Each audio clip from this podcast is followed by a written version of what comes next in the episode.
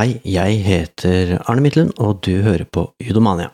I sommer ser jeg litt nærmere på verdigrunnlaget til judo, og det er mange måter å gjøre det på, men jeg har bestemt meg for å bruke de åtte verdiene som Det internasjonale judoforbundet har landet på, som sine grunnleggende verdier, når jeg snakker om dette i eh, ni episoder til sammen, der åtte av de handler om eh, hver verdi hver for seg, og den niende episoden skal være en slags eh, oppsummering. Dette er den fjerde av disse ni episodene, og den skal handle om oppriktighet. Men før vi starter, så har jeg et lite boktips å komme med.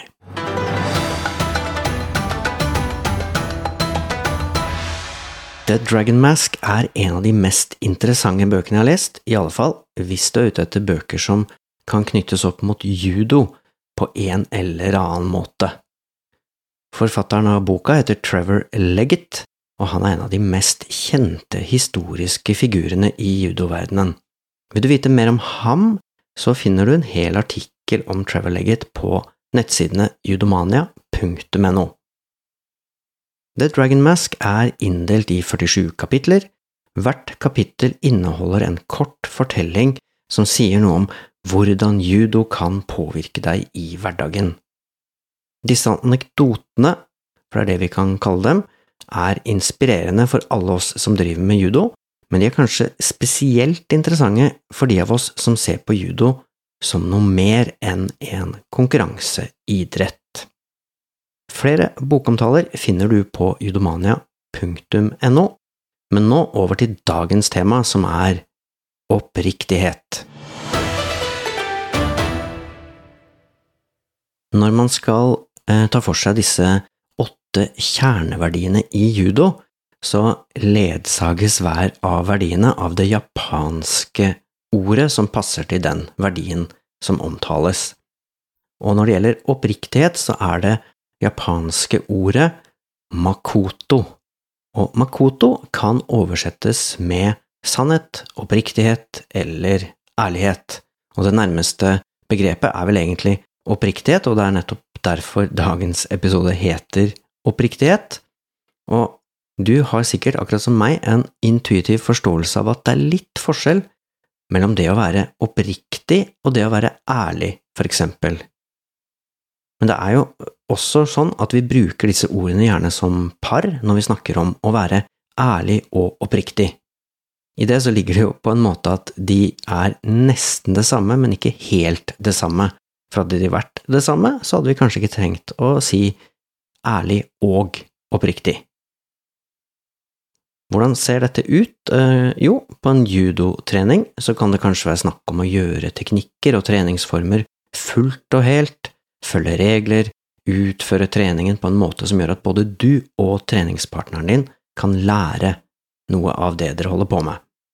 Da er det for eksempel ikke en god idé å late som om man mestrer noe, når man egentlig ikke gjør det.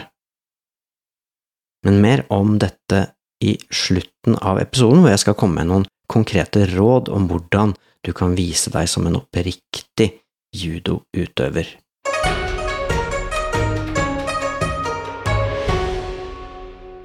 Nå går vi over til det som kalles for etymologien, altså ords opprinnelse.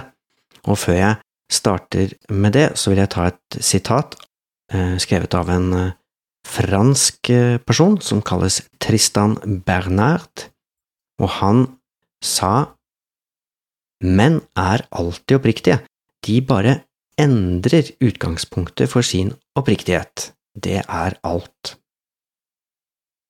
Det engelske ordet for oppriktighet, sincerity, kommer fra det latinske ordet sincerus, som betyr ren, sann, ekte eller edel.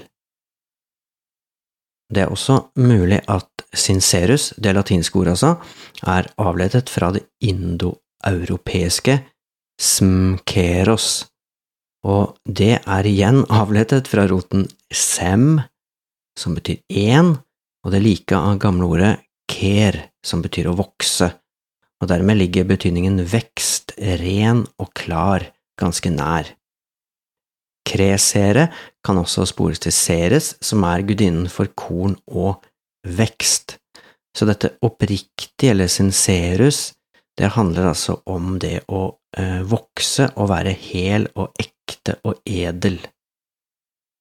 Hvis vi ser på det japanske ordet som jeg nevnte i stad, makoto, så kan det også oversettes med sannhet, oppriktighet eller ærlighet, og det kan skrives på tre ulike måter ved hjelp av japanske tegn. Hvis du vil se disse skrivemåtene, så kan du bare se på nettsidene judomania.no. Uansett skrivemåte så betyr makoto det samme, altså sannhet, oppriktighet eller ærlighet. Makoto er det motsatte av falsk informasjon eller usannhet. En liten fun fact i denne sammenhengen her er at Makoto ofte brukes som navn i Japan, og det er et uh, kjønnsnøytralt navn som kan brukes både på gutter og jenter, selv om det kanskje litt oftere brukes om gutter. I filosofien så er det ikke uvanlig å koble oppriktighet sammen med begrepet sannhet, men det er faktisk fullt mulig for en person å være oppriktig samtidig som det vedkommende sier ikke er sant. De kan jo være i såkalt god tro, det vil si at de tror de forteller sannheten, at det de sier samsvarer med den forestillingen de faktisk har av virkeligheten. Og det er kanskje egentlig det oppriktighet handler om, at det er samsvar mellom det du sier og det du tenker, og at ord og tanke henger sammen. Den franske filosofen Vladimir Janklevitsj, som levde fra 1903 til 1985, mente at sannheten eh, fordrer eller har behov for en form for objektivitet, mens oppriktigheten handler mer om autentisitet, altså det å være ekte. Jankelevitsj eh, skilte mellom tre former for oppriktighet. Samsvar mellom tanker og ord, eller tanker og handlinger.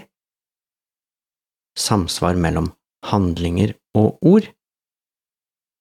Samsvar mellom tanker og selve. Derfor er det ifølge ham forskjell på det å være oppriktig og det å være sannferdig. Å være oppriktig vil si å legge fram din sannhet, det du subjektivt holder for å være sant. Sannheten, på sin side, krever en annen form for autentisitet. Og i hverdagen så er det ikke alltid like lett å skille mellom det å være sannferdig, oppriktig og ærlig, og ofte flettes disse begrepene, og ikke minst opplevelsen av dem, sammen. I det daglige så handler oppriktighet aller mest om hvordan man forholder seg til andre personer. De fleste av oss ønsker nok å oppfattes som pålitelige og oppriktige, spesielt fordi det er viktig med tanke på følelsesmessige bånd eller forpliktelser som vi har overfor hverandre. Å bli oppfattet som oppriktig er viktig for den affektive, menneskelige tilknytningen, altså følelsen av å høre sammen med hverandre. Oppriktighet, ærlighet og sannferdighet har mye å gjøre med mellommenneskelige forhold, altså, og det å kunne stole på noen eller ha tillit til noen er viktig for alt som har med dette fenomenet å gjøre. Og det er lettere å stole på noen som er oppriktige i alt de gjør, enn de som kun forholder seg til objektive kriterier, vil noen hevde, og andre tenker kanskje motsatt. Ifølge Aristoteles er en mann som anerkjenner eksistensen av sine egne kvaliteter, oppriktig, uten å legge til eller fjerne noe fra det. Og Aristoteles forklarer at oppriktighet kan brukes og misbrukes avhengig av hvilket mål man har, og at en persons sanne karakter kan avsløres på grunn av vedkommendes måte å forholde seg til oppriktighet på. Den tyske filosofen Immanuel Kant går så langt som å hevde at oppriktighet er et imperativ, altså det er noe man må han avviser dermed alle eh, rettigheter og muligheter for et individ til å være noe annet enn oppriktig. Og selv om Kant er litt omdiskutert i våre dager, så er jo utgangspunktet spennende. Han står jo bak denne universallovsformuleringen. Du skal handle på en slik måte at det du gjør, kan fungere som en allmenn lov, og så står han bak det som kalles for humanitetsformuleringen. Du skal handle slik at du alltid bruker menneskeheten som et formål, og aldri bare som et middel. Og med det utgangspunktet så vil oppriktighet være helt nødvendig for at relasjoner skal kunne fungere.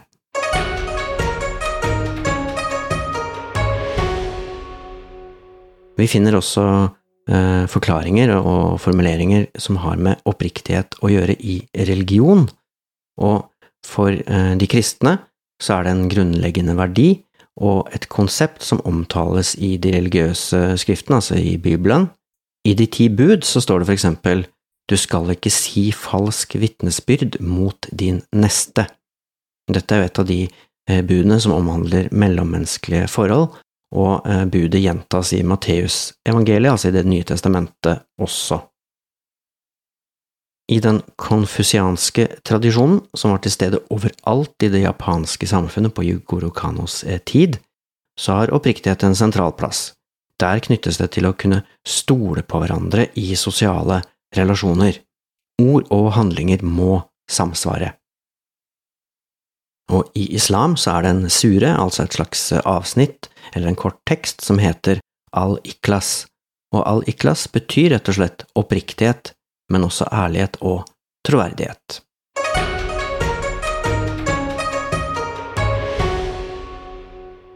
Og hvordan ser oppriktighet ut i judo? Jo, på en judotrening så kan det være snakk om å gjøre teknikker og treningsformer fullt og helt, følge regler, utføre treningen på en måte som gjør at både du og treningspartneren din kan lære noe av det. Da er det for eksempel ikke en god idé å late som om man mestrer noe, når man egentlig ikke gjør det. Det kan dreie seg om å øve på en teknikk som er vanskelig, og i slike tilfeller så er det mye bedre å spørre om hjelp enn å late som om man får det til, for hvis vi later som vi får til noe, ikke tar tak i utfordringene, men heller prøver å dekke over feil og mangler, så blir det mye vanskeligere å oppleve personlig fremgang og suksess på judomatta, og i ytterste konsekvens eh, så kan det også kunne gå utover andre både de du trener med og de som er trenere, fordi du får en feilaktig opplevelse av hva som fungerer, og i aller ytterste konsekvens så kan jo det til og med føre til at du kan skade andre. Alt det vi har snakket om til nå høres kanskje litt lite konkret ut, derfor kommer det nå noen helt konkrete tips om hvordan du kan vise oppriktighet i judo. Punkt 1. Vær forutsigbar og strukturert på trening. Punkt 2. Følg reglene og vis evne til fair play. Punkt 3. Vis tydelig hvor grensene dine går. Punkt 4. Ha en oppriktig, klar og fokusert innstilling. Punkt fem Vær ærlig hvis du bryter reglene i konkurranse. Det var alt for denne gangen. Neste gang skal det handle om vennskap. Har du som hører på en kommentar eller spørsmål til det du nettopp har hørt, Kom gjerne med din ærlige og oppriktige mening. Skriv til podkast krøllalfa judomania.no. Takk for at du hørte på. Ha det bra.